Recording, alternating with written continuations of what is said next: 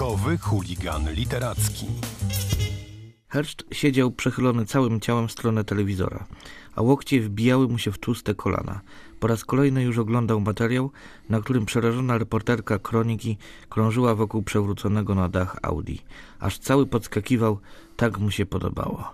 Dzień dobry. Dzień dobry. Wojciech Mucha, autor Miasta Noży, którego fragment przeczytałem przed chwilą, jest y, naszym gościem. W Mieście Noży cofamy się do lat 90. Nawet na okładce można przeczytać, że to najniebezpieczniejsza powieść o Polsce lat 90. Czy autora równie mocno cieszą takie obrazki jak owego Herszta? Mm, Niekoniecznie. Y, Cieszy mnie, że rzeczywistość lat 90. to już przeszłość i cieszę się, że mogłem powrócić e, na łamach miasta Noży do tego czasu. Jednakowoż e, cieszę się również, że już nas to nie dotyczy. No właśnie, bo to jest część, część twojego życia, wychowany... No, bez, bez przesady, to może nie takie obrazki.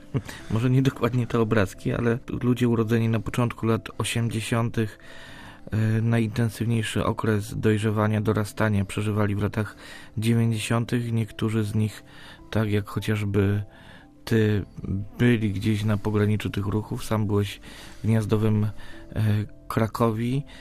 Wspomniałeś, że dobrze, że ten czas minął, a jednak w tej książce widać ogromny sentyment za częścią tamtej rzeczywistości, za niektórymi przedmiotami, zjawiskami, ludźmi.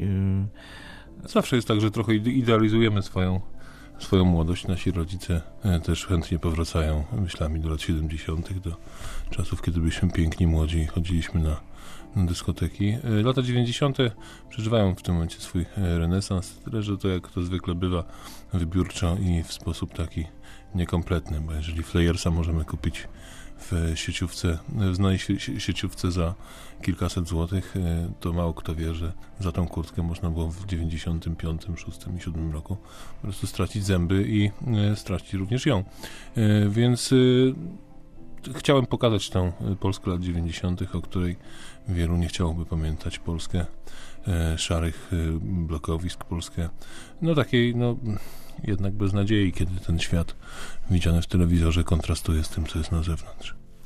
y, Mimo to okładka książki raczej bazuje na sentymencie, bo przypomina starą kasetę wideo, właściwie obwolutę starej kasety wideo z charakterystycznym trójkącikiem pomagającym Pomagającymi wysunąć. w- ją, wysunąć kasetę wideo ze środka.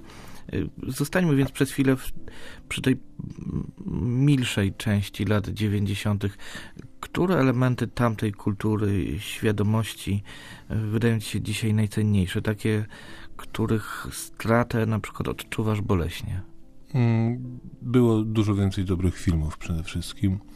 E, przede wszystkim to także moment e, narodzin polskiego hip-hopu, który wy, wyewoluował w dość dziwną e, stronę. E, Teraz e, szczęśliwie mamy jego, e, no można powiedzieć, renesans, ale to już nie to samo, kiedy pojawiały się pierwsze produkcje takie naznaczone rzeczywiście szczerością, e, że przypomnę pierwszy, pierwszą płytę Molesty, Skandal, czy pierwsze e, pierwsze płyty, które wychodziły e, z Poznania od, e, od Slams Attack, e, czy pierwszego Kalibra, który również ukształtował polską scenę, e, scenę muzyki hip-hop.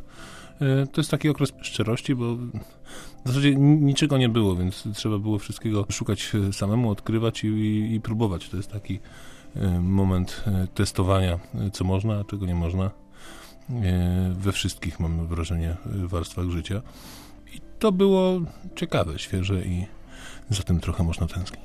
Jest też ta druga część tej rzeczywistości, ta okrutna, bezlitosna, ta, o której wolelibyśmy zapomnieć, czyli lata 90. jako czas e, bezprawia, gdy taki herszt mógł sobie w kronice krakowskiej oglądać e, skutki swoich własnych rozkazów i się nimi cieszyć. Tak, tylko pamiętajmy, że to była specyficzna, e, specyficzna sytuacja, rozprężenie takie społeczne lat 90., e, moment, w którym władza jednak trochę odpuściła e, e, zainteresowanie społeczeństwem.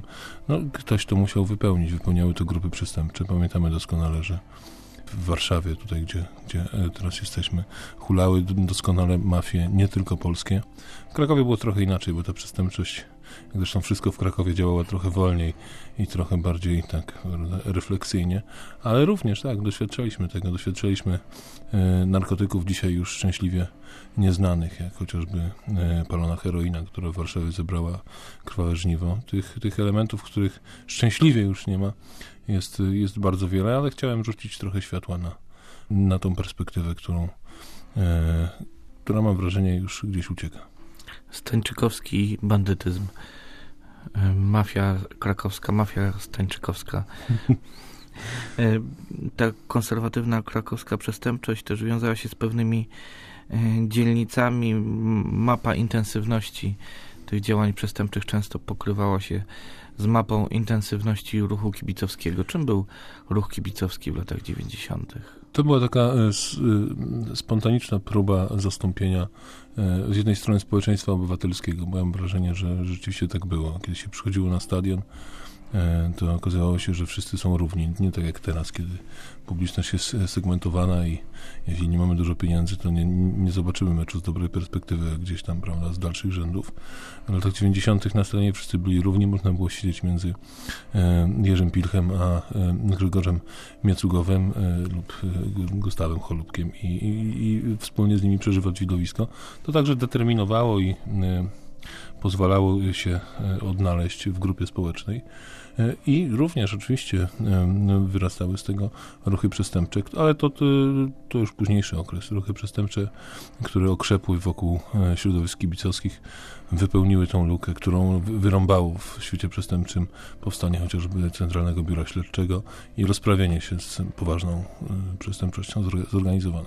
W tę niezwykłą podróż do lat 90., czasu naszego dzieciństwa, pierwszych fascynacji muzycznych, i filmowych, ale też y, strachu i grozy, jeżeli się szło między niektórymi blokowiskami. O tym wszystkim pisze Wojciech Mucha w mieście Noży.